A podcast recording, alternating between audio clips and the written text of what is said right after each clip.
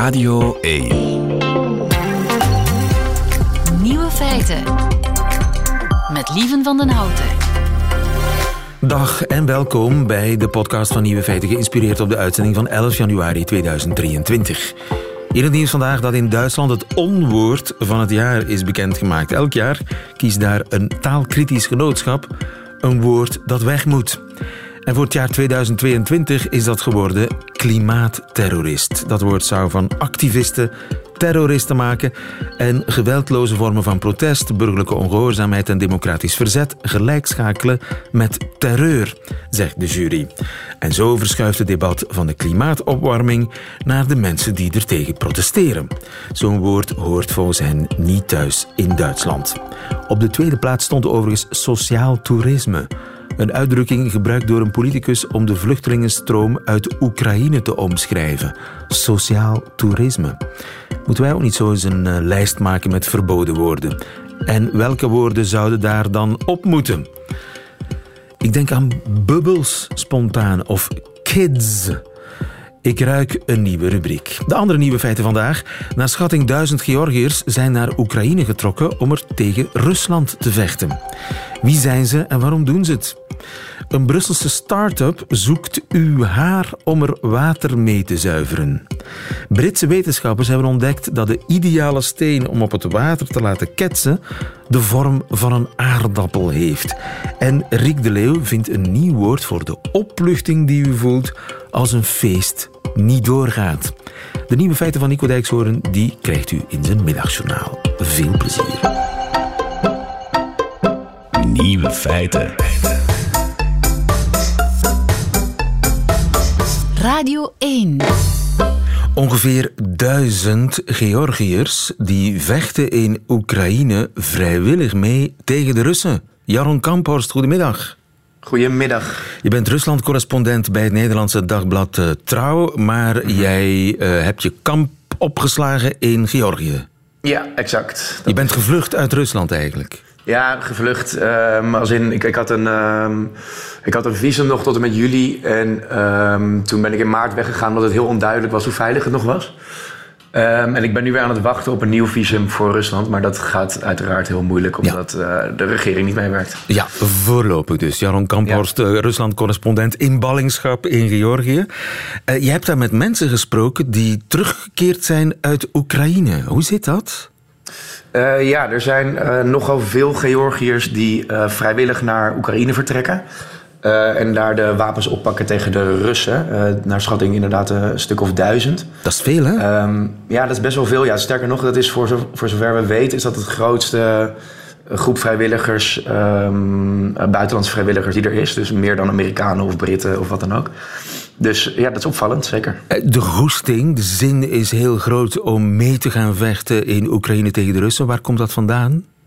Ja, dat heeft te maken met Georgiërs eigen verleden. Um, ze hebben nogal wat uh, te maken gehad met uh, wat ze zelf Russisch imperialisme noemen en uh, Russische agressie. Ze hebben, dat gaat al vrij ver terug. In de Tsarentijd zijn ze een keer ingelijfd. Um, door de Sovjet-Unie zijn ze destijds door de, door de communisten ingelijfd bij, uh, bij de Sovjet-Unie. En uh, recentelijk hebben ze ook, uh, in 2008, hebben ze een oorlog uitgevochten met, met Rusland. Toen is Poetin namelijk Zuid-Ossetië binnengevallen. Dat is een, een afvallige regio in het noorden van Georgië. En daar zijn toen ontzettend veel doden bij gevallen. En um, sindsdien houdt Rusland ook een soort van Zuid-Ossetië bezet. Daar staan allemaal tanks en Russische militairen. En datzelfde geldt voor een regio in het noord westen van Georgië, Abhazie. Juist, er is in de jaren negentig een oorlog geweest en daar, daar, daar, staan ook Russische militairen. Dus hun land wordt gewoon voor een deel bezet door de Russen. En daardoor voelen ze een hele grote solidariteit met uh, de Oekraïners. Het zijn lotgenoten natuurlijk. Ja, en absoluut. Hoe, hoe staat de regering tegenover, de Georgische regering tegenover uh, al die, die vrijwilligers die naar uh, Oekraïne trekken? Ja, daar zit een beetje een knelpunt. Want um, de, de Georgische regering is volgens veel critici um, best wel pro-Russisch. Als in ze zeggen dat ze, dat ze pro-Westers zijn. Maar eigenlijk doen ze heel veel dingen om Moskou niet tegen de schenen te trappen. Ze doen bijvoorbeeld niet mee aan de sancties, uh, internationale sancties. En ze hebben ook niet heel hard de oorlog veroordeeld. Dus daar zijn mensen een beetje, ja, een beetje pissig over. Um, dus er is ook geen militaire steun naar Oekraïne gegaan vanuit Georgië bijvoorbeeld. En dat heeft natuurlijk weer te maken met dat de regering heel bang is dat ze uh, Moskou provoceren en dat, uh, dat ze eventueel weer binnenkomen vallen. Dus de regering die houdt zich een beetje op de vlakte wat dat betreft. Ja, en, en Ehm, probeert zij die vrijwilligers tegen te houden? Nou, dat niet per se. Al, alhoewel toen de oorlog net uitbrak, toen uh, was er wel een vliegtuig vanuit Kiev, als ik me niet vergis, of, of vanuit Polen, onderweg naar, um, naar Tbilisi, naar de hoofdstad in, uh, van Georgië. En toen heeft de regering ervoor gezorgd dat dat vliegtuig niet kon landen en weer om moest keren. Dus dat is in het begin wel zo. Maar dat is nu iets minder. Maar ja, ze, hebben, ze, ze staan niet te springen om al die Georgiërs die, uh, die naar Oekraïne gaan. Ja, en uh, Moskou probeert hen daar niet op aan te spreken. Van uh, hou eens je eigen bevolking wat meer in de gaten. Want die, die zitten tegen ons te vechten in Oekraïne. Nou, dat, dat, dat, dat, niet echt inderdaad. Sowieso zijn de diplomatieke betrekkingen tussen, tussen Rusland en Georgië opgeschort al sinds die oorlog in 2008. Uh, maar nee, ja, de, de, Rusland kan, kan gewoon Georgië altijd blijven bedreigen met een eventuele nieuwe inval. En dat, dat merk je hier ook heel erg. Je ziet overal op straat staan graffiti-teksten met uh, Russians go home en uh, Russen oprotten uit Georgië en noem maar op. Dus ja, die, die spanning is ergens wel voelbaar. Maar um, Moskou spreekt zich niet heel direct uit tegen de, Russische, of tegen de Georgische regering. En zijn de Georgiërs bang dat zij ja, het lot van de Oekraïners zullen delen? Dat zij de volgende zijn? Ja, absoluut. Echt, dat is echt wat je hier heel veel hoort um, onder, onder Georgiërs met wie ik spreek. Die, uh, die zien echt het, de oorlog in Oekraïne als een soort verlengstuk van de oorlog die ze zelf met Rusland hebben gevoerd. En ze zien het echt als dat hun uh, lot daar wordt bepaald. Ja. Dus als daar de oorlog verloren wordt, dan zijn ze echt als de dood dat Moskou dan uh, weer naar Georgië komt om hun weer te gaan bombarderen. Als Moskou in Oekraïne zijn zin krijgt, is Georgië de volgende. Exact. Juist, ja. En heb je ook echt met mensen gesproken die aan het front hebben gevochten? Ja, ik heb met, uh, met een parlementariër gesproken. Een parlementariër? Die, uh, een politicus? Ja, ja, kan je voorstellen dat, dat een Nederlandse of een Belgische politicus... Uh, die in het parlement zit naar, naar Oekraïne zou gaan om de wapens op te pakken. Het is vrij bizar voor ons natuurlijk. Maar ik heb daar inderdaad met een... of ik heb hier met een parlementariër gesproken... die aan het begin van de oorlog naar, naar Kiev is gegaan... en daar in de buitenwijken... Onder andere um, zat hij in een verkenningseenheid om uh, Russische bataljons en tanks te spotten. En hij heeft met een sniper op een dak gezeten. En hij heeft zelfs een tegenoffensief gedaan in, uh, in een park bij Irpin. Dat is een buitenstad van, uh, van, ja, van Kiev. En welke verhalen brengt hij mee? Ja, hele schrijnende verhalen. Met name over, over de oorlogsmisdaden die hij heeft gezien van de Russen. Hij vertelde bijvoorbeeld over een... Ze zaten in een soort kapotgeschoten appartementencomplex. En daar op het kruispunt lag een man met zijn handen boven zijn hoofd en met zijn gezicht op het asfalt. En die was um, richting de Russen gelopen om zichzelf over te geven. En die hebben ze toen neergeschoten. En die man die lag daar al uh, dagen, weken op het asfalt. En er begonnen zelfs de honden uh, aan zijn lijk te, te vreten. En nou ja, dat soort verhalen. Ja. ja. Russen die eigenlijk gewoon vechten tegen burgers, niet tegen soldaten. Ja, exact, exact, exact. Jaron Kamphorst in uh, Georgië, dankjewel. Goedemiddag. Dankjewel. Het ontbreekwoord. Rick de Leeuw gaat op zoek naar woorden die in onze taal helaas nog niet bestaan. Ja, in Duitsland is het onwoord van het jaar, het verboden woord van het jaar bekendgemaakt. Er zijn dus woorden die overbodig zijn. Misschien is dat een nieuwe rubriek ooit in Nieuwe Feiten. Maar voorlopig hebben we nog het ontbreekwoord. We maken elke woensdag de geboorte mee van een nieuw woord. En de lijst met al die ontbreekwoorden, een indrukwekkende lijst, bijna een nieuw woordenboek, die vindt u op radio1.be. Goedemiddag, Rick de Leeuw. Goedemiddag. De grote aanjager, beschermheer van het ontbreekwoord, initiatiefnemer ook. Jury Jawel. is zoals iedere week, iedere woensdag weer Ruud Hendricks. Goedemiddag, heren. Goedemiddag. Mogen we, we mogen, het is de 11e vandaag, we gaan nog beste wensen zeggen. Ja, voor jullie ook. Beste wensen. Beste wensen iedereen. Uh, hoofdredacteur bij Van Dalen natuurlijk ben jij ja. nog steeds. En jury vandaag. Naar welk woord gingen wij ook alweer op zoek? Ik moet in mijn geheugen graven. Het is al, het is al ja... Het is lang geleden. Het is lang geleden, twee ja. weken geleden. Drie weken. Drie weken geleden. Eind vorig jaar. Zo. Eind, Eind vorig, vorig jaar, jaar zochten, we noemen, ja. hebben wij de luisteraar van Radio 1 een opdracht gegeven. Rick, hoe luidde die opdracht ook alweer? Juist, eind vorig jaar waren we op zoek naar een Nederlands alternatief voor het relatief nieuwe Engelse begrip ROMO. Relief of Missing Out. Romo is een variatie op het bij ons al langer bekende fear of missing out, het bekende FOMO. Oké, en dus dat heeft zelfs in, in Nederland heeft het zelfs de lijst met woorden van het jaar gehaald. Romo, relief of Mhm. missing out. Maar ja, dat is veel te Engels, hè? Precies, want naast de angst om iets te missen bestaat er inderdaad ook de opluchting er even niet bij te hoeven zijn. En we hebben het al gezegd, hoewel de feestdagen alweer even achter ons liggen, staan de emoties daarmee, mij althans nog helder voor de geest. het, Absoluut. het grote verschil, het grote verschil tussen mogen en moeten. Juist. Is er wat binnengekomen, Rick? Er is heel wat binnengekomen. Ik heb een top 7 daaruit gedestilleerd. Laat maar komen. Een top 7 waarin zowel Romo als FOMO aan bod komen. Dus uh, uh, dat vind ik goed. even zelf. We hebben Ja? drie weken gehad, dus ja, we mogen twee woorden hebben, hè? Precies. Gaan we Ehm, ehm, eerst even Mariette- afspreken? Gaan, gaan we... Nee, we gaan niks afspreken. We kunnen eventueel twee Nee. woorden bekronen of één woord. We zien wel. We zien wel. We zien we, gaan het, we gaan het laten gebeuren. We gaan het gewoon laten gebeuren. Rick, laat maar Een komen. goed voornemen. We laten het, gebeuren. we laten het los in eh, 2023. Oké. Mariette Bekkers. Mariette Bekkers heeft voor Romo skip geluk. Hey, skipgeluk. Skipgeluk. Skip geluk. Skipgeluk. Skip is natuurlijk wel Engels, hè? Dat is een beetje... Ik vind Ja, het een ja, leuk ja, ja, woord. ja, Het, is een, het is een leuk woord. La- maar laten we het ze- skippen. ze geeft- Maar eigenlijk, ja, we vinden het al redelijk Nederlands, hè? Skippen. Ja. Ja. Skipgeluk. Ter, verduidelijking geeft ze nog een voorbeeld. Heerlijk op de bank gaan liggen lezen in plaats van een stom feestje te moeten bezoeken. Het is een beetje Skipgeluk. gestuurd, maar ik begrijp het gevoel opeens beter. Skipgeluk. Right, mooi. Guido van der Wiel komt met twee voorstellen. Voor FOMO heeft hij ontbreek vrees en ontbreek feest Mhm. Hey. voor Romo. Dat vind ik niet slecht. Ontbreek vrees voor fear of missing out. Eh, relief of missing out wordt dan ontbreek feest. Vrees, feest. De vrees vind ik goed. Het feest vind ik iets minder geslaagd. Ontbreekfeest, wat is er mis met ontbreekfeest? Eh, ja, dan ben je weer met een feest bezig. Terwijl mensen zeggen, ik wil net rust. Ja, oké, oké. Dus kijk of- maar het is dat is een mijn- dat is- ingetogen, ingetogen feest. Een ingetogen feest. Oké, ja.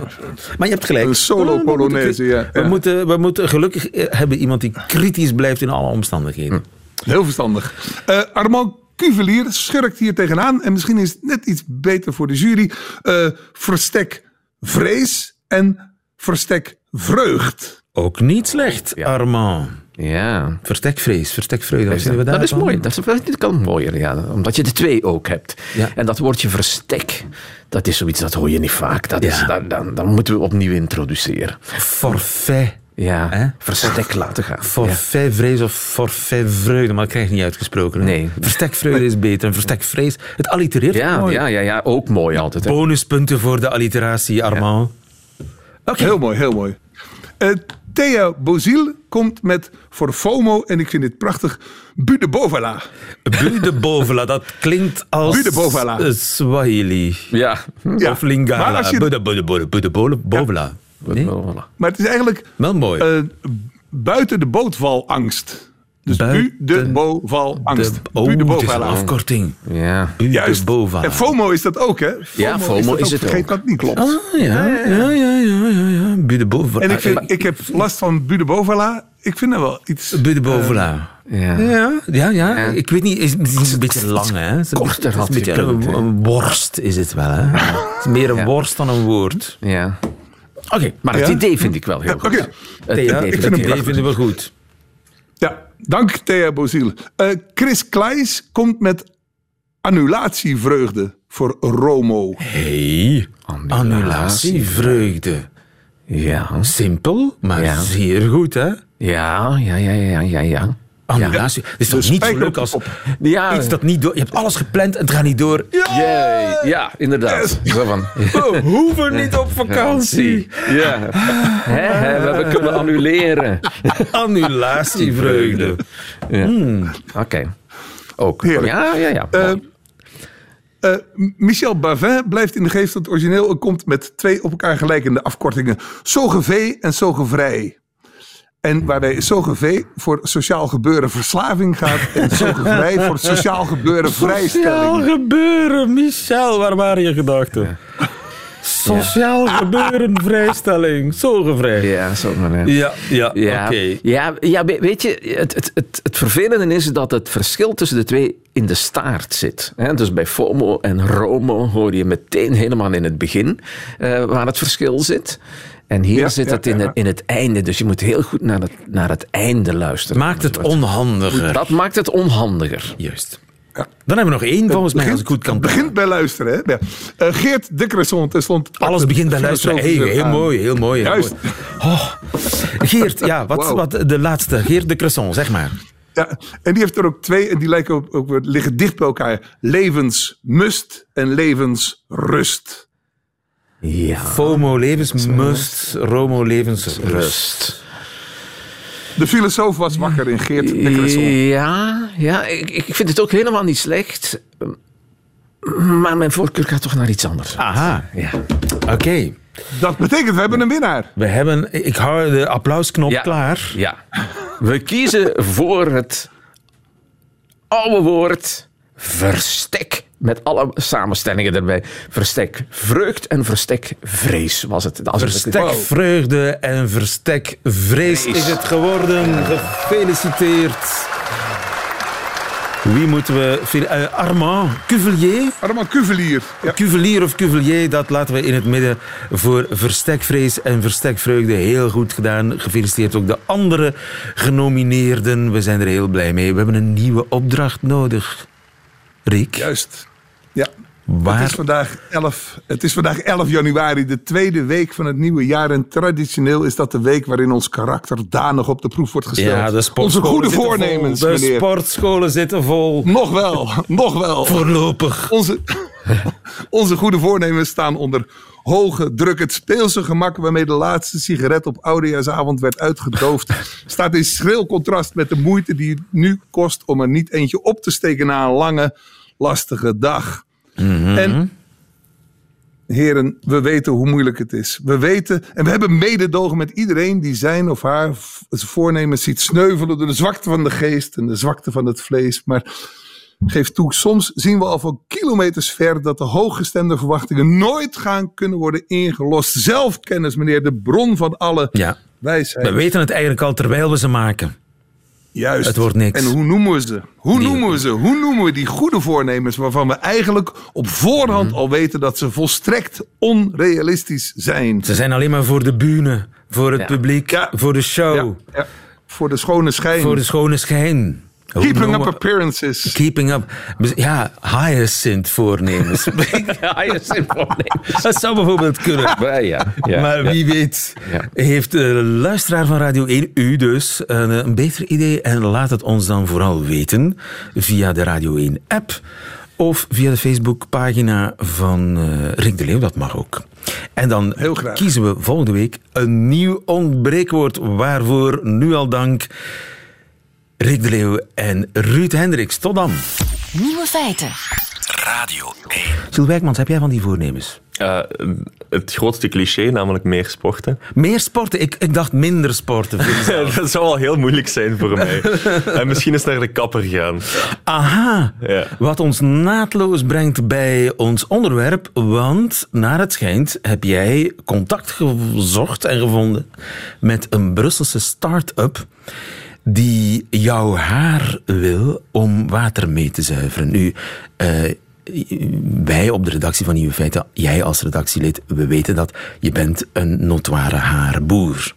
Eh, ik, heb, ik heb veel exemplaren, ja. Je hebt veel, dik, lang haar. Hoe lang is jouw haar eigenlijk? Ik heb het niet gemeten, maar ik denk dat langer dan 30 centimeter. Langer dan, en dik, hè? Het is echt een soort brandend bruin Ja, het krult heel makkelijk. Voilà. Ontploft makkelijk. Nu, het eh, kan water zuiveren. Ja, niet alleen mijn haar, voor de duidelijkheid. Maar inderdaad, Ik, ik ehm, kan een klein plasje zuiveren. Jouw- Jij kan alvast toch flink meer zuiveren. Ja, dat is het inderdaad. Een, een gemiddelde olieramp, eh, dat kan ik wel oplossen met mijn haar. Eh, nee, inderdaad, er is een Brusselse start-up ehm, die het haar recycleert dat ge- verzameld wordt bij kappers. Het Echt waar, ze doen dat nu al. Ze doen dat, Het zijn geen wilde plannen, nee, ze gaan haar ophalen bij kappers. dat doen ze al. En het, het project heet The Hair Recycle Project en het is van eh, Patrick Jansen.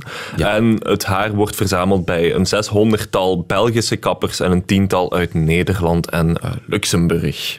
En hoe werkt dat dan met haar water zuiveren? Ik snap het niet helemaal. Wel, ze maken van dat haar ofwel matten, tapijten of eh, sokken eigenlijk gevuld met haar. En die, die matten die zien er eigenlijk... Ja, ik probeer me jouw haar als sok voor te stellen nu, maar het kan. het kan. Het is, ja, die matten zijn dan een tapijtje van 60 op 60 centimeter. Weegt. Er zit ongeveer een kilo haar in en dat is dan ja, een mensentapijt.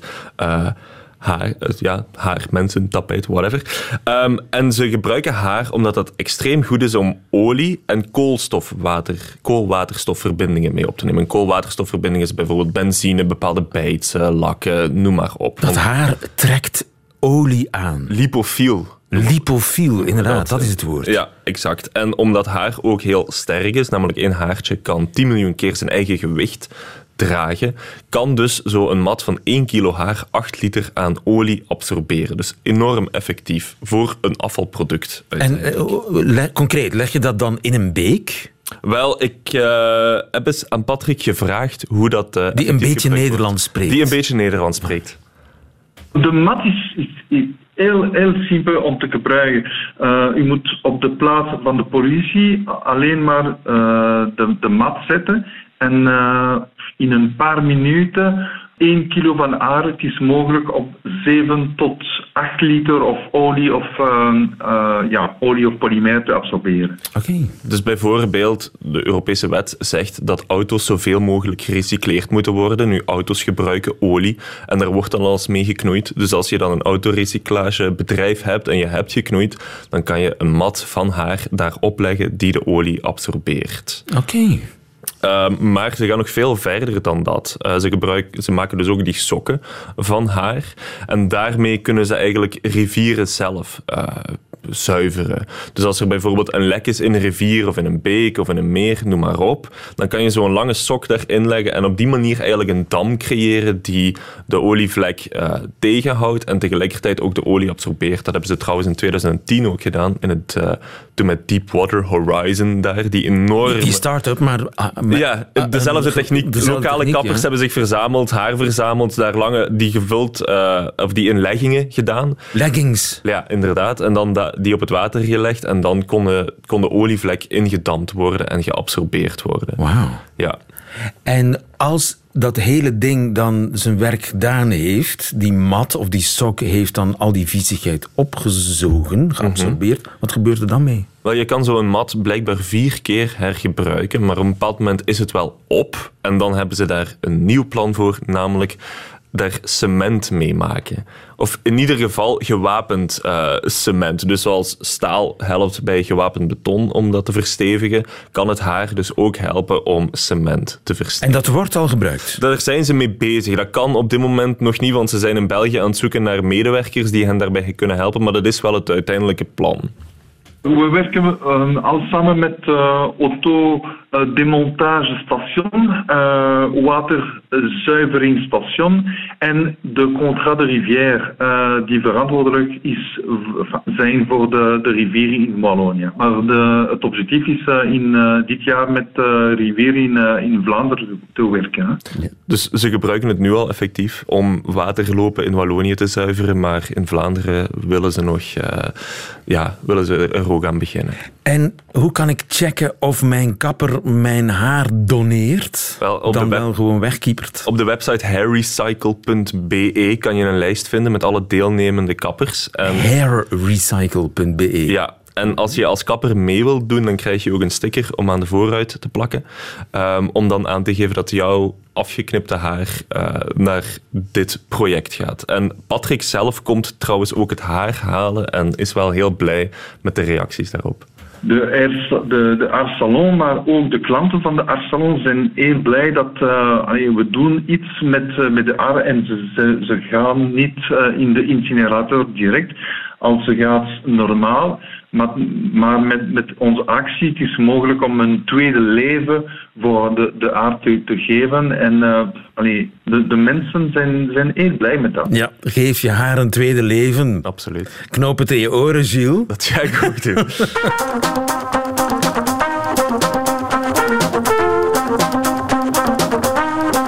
Nieuwe feiten.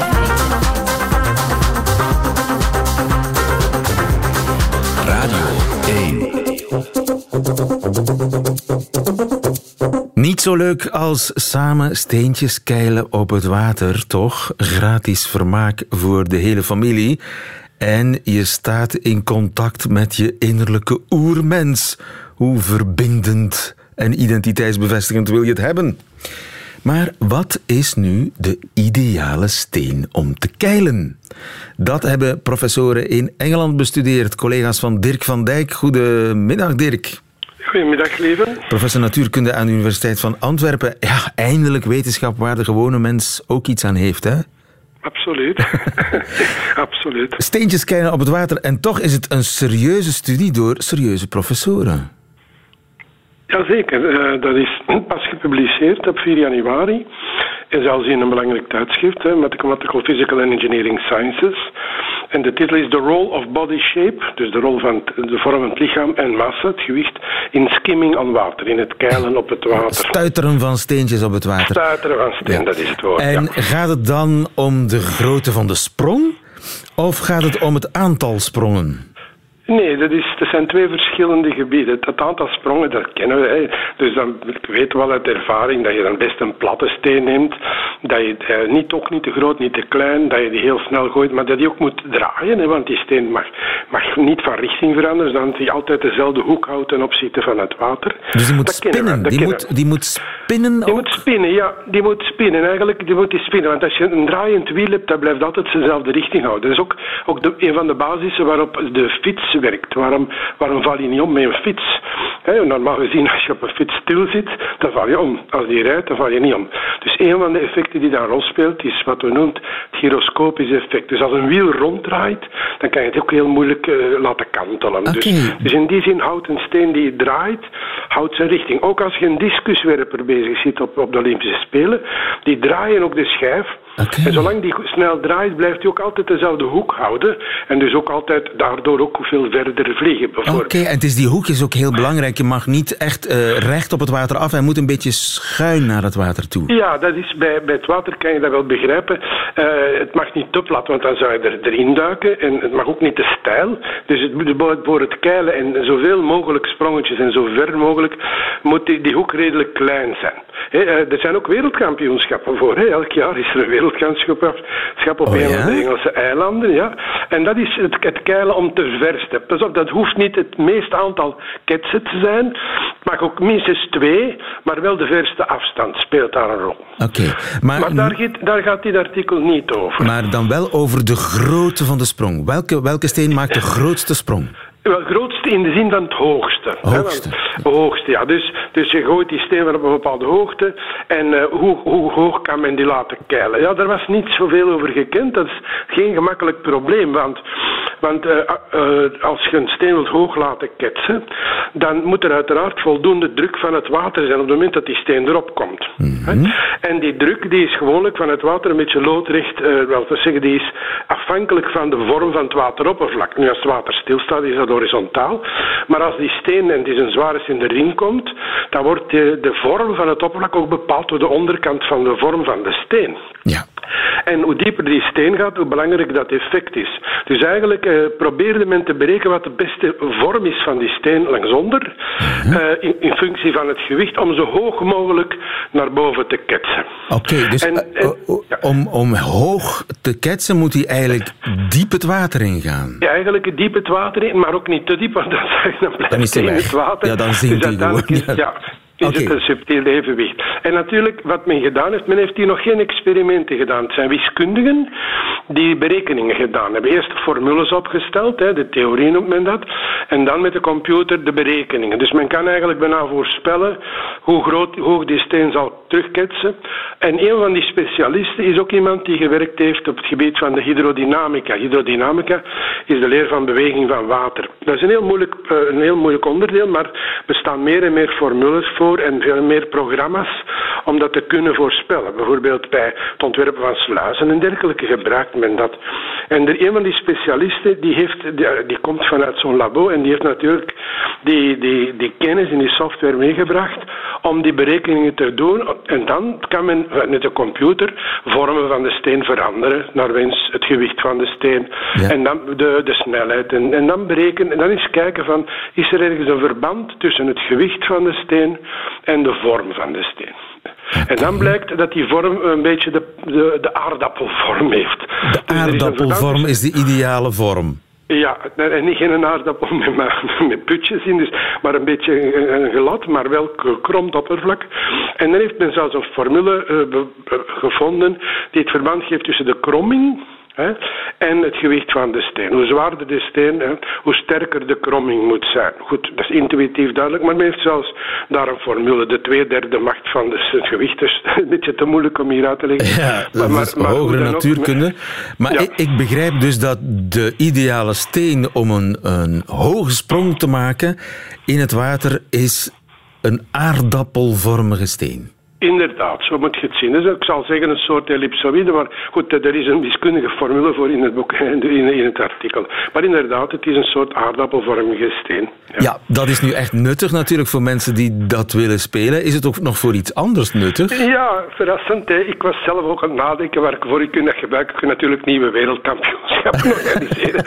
maar verdorie, het, het, een watervliegtuig, het, het landen en stijgen van een watervliegtuig is vooral met vlotters. En die vlotters moeten niet gewoon maar drijven. Die moeten ook zorgen dat dat vliegtuig de ideale, hè, dat gaat waarschijnlijk heel snel proberen op te stijgen, maar het moet ook zo, zo snel mogelijk hoogte krijgen. En omgekeerd, als het op het water komt, ja, moet het op een ideale manier, maar ook niet te, te hard stuiteren. Dus, maar natuurlijk, het komt niet horizontaal op het water, het komt schuin op het water. Dus diezelfde vorm kan, kan ervoor zorgen dat die verticaal, dat die, die, die daalsnelheid wordt omgezet in horizontaal, zodat het vliegtuig na, na het op het water komen glijdt. Dus blijkbaar, pas op, men heeft die berekening nog niet gedaan hier, maar zelfs in het artikel staat er op het einde, ja, dat is toch wel belangrijk, onder andere voor watervliegtuig. Blijkt ook belangrijk te zijn voor het eh, bestuderen van het effect van ijsvorming op vleugels. Dus als, als er zich ijs vormt op de vle- de vleugel, zelfs al is die glad van onder, ja, dan wordt die ruw. Welk effect kan dat hebben op, op de stijgkracht van de vleugels? Dus dat, dat wordt hier gesuggereerd. Hè. Het is nog niet berekend, maar toch. Ja. Met, natuurlijk, elke wetenschapper probeert ook ergens te zeggen dat het toch in de toekomst ja, ja. belang- belangrijk wordt. Maar dus een, een, een vleugel waar ijs aan hangt, krijgt een beetje die aardappelvorm. En dus die berekeningen zouden ook daar misschien hun nut kunnen bewijzen. Inderdaad, dat is tenminste wat ze ook zeggen in het artikel. Duidelijk. Dirk van Dijk, dankjewel. Goedemiddag. Ja, dag, lieve, dank u. En dat waren ze, de nieuwe feiten van 11 januari 2023. Alleen nog die van Nico Dijkshoorn. Die krijgt u nu in zijn middagjournaal. Nieuwe feiten. Middagjournaal. Beste luisteraars, het is alweer te lang geleden dat ik het hier heb gehad over nutteloze dieren. Zeker als die nutteloosheid gepaard gaat met een zekere arrogantie, dan wordt het mij zwart voor de ogen. Ik heb het natuurlijk over de lepelaar. Een vogel die ongelooflijk tevreden is over zichzelf en je vraagt je af waarom. Het zal te maken hebben met zijn snavel die lijkt op een lepel. Nou, gefeliciteerd. Mijn oma had een voet die leek op een uitgegroeide aardappel, maar wij noemden haar toch gewoon oma en niet oma dode aardappel. Dieren zijn infantiel trots op hun kleurtjes, hun kuifjes, hun vlekjes en ga zo maar door. Hebt u kuifapen wel eens een keer door een bos of een dierentuin zien wandelen? Ja, ze hebben een kuif, maar waarom moet dat voor hun naam? Waarom niet gewoon aap? Wij, de mensen, hebben die stap inmiddels wel gezet. Iedereen die voor zijn nationaliteit zijn kleur vermeldt, wordt terstond gecanceld. Maar de bruine beer, die kan het allemaal geen moer schelen. Het is een discussie die volkomen aan de dieren voorbij gaat. De bonte specht, ook zo ongelooflijk kinderachtig. Op een kilometer afstand hoor je tok, tok, tok, tok. Je ziet iets gekleurds tegen een boom hangen en dan weet je al genoeg. Is er weer een bonte specht heel opzichtig aan het laten zien dat hij geen idee heeft van het concept boom. Waarom zou je daarin willen? De allerergste van het stel vind ik de schele loerie. Dat is echt een volkszanger onder de dieren. Je hebt dikke Tony uit Amsterdam. En je hebt Manke Michel uit Brasgaat. En daar moet zo'n schele loerie dan overheen. Maar zoals gezegd, de lepelaar, dat is de grootste uitslover van het stel. Paradeert een beetje door het lage water met iets wat op een platgeslagen tuinslang lijkt in plaats van een stavel. En toch denkt meneer dat een beetje bestek aan je kop iets is om trots op te zijn. Luisteraars, vanavond reis ik af naar de Waddeneilanden. En ik ga de strijd gewoon maar eens aan. Een bord soep voor hun neus zetten. En dan eens kijken wat ze aan die lepel hebben, die lepelaars. Morgen praat ik u bij over het roodborstje. Die, als ik met hem klaar ben, voortaan borstje heet.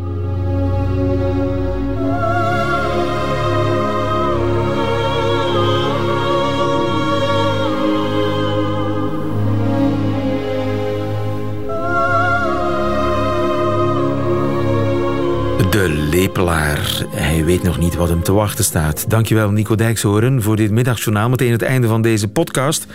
Hoort u liever de volledige nieuwe feiten met de muziek erbij? Dat kan natuurlijk live elke werkdag tussen 12 en 1 op Radio 1 of on demand via de Radio 1 app of website. Tot een volgende keer.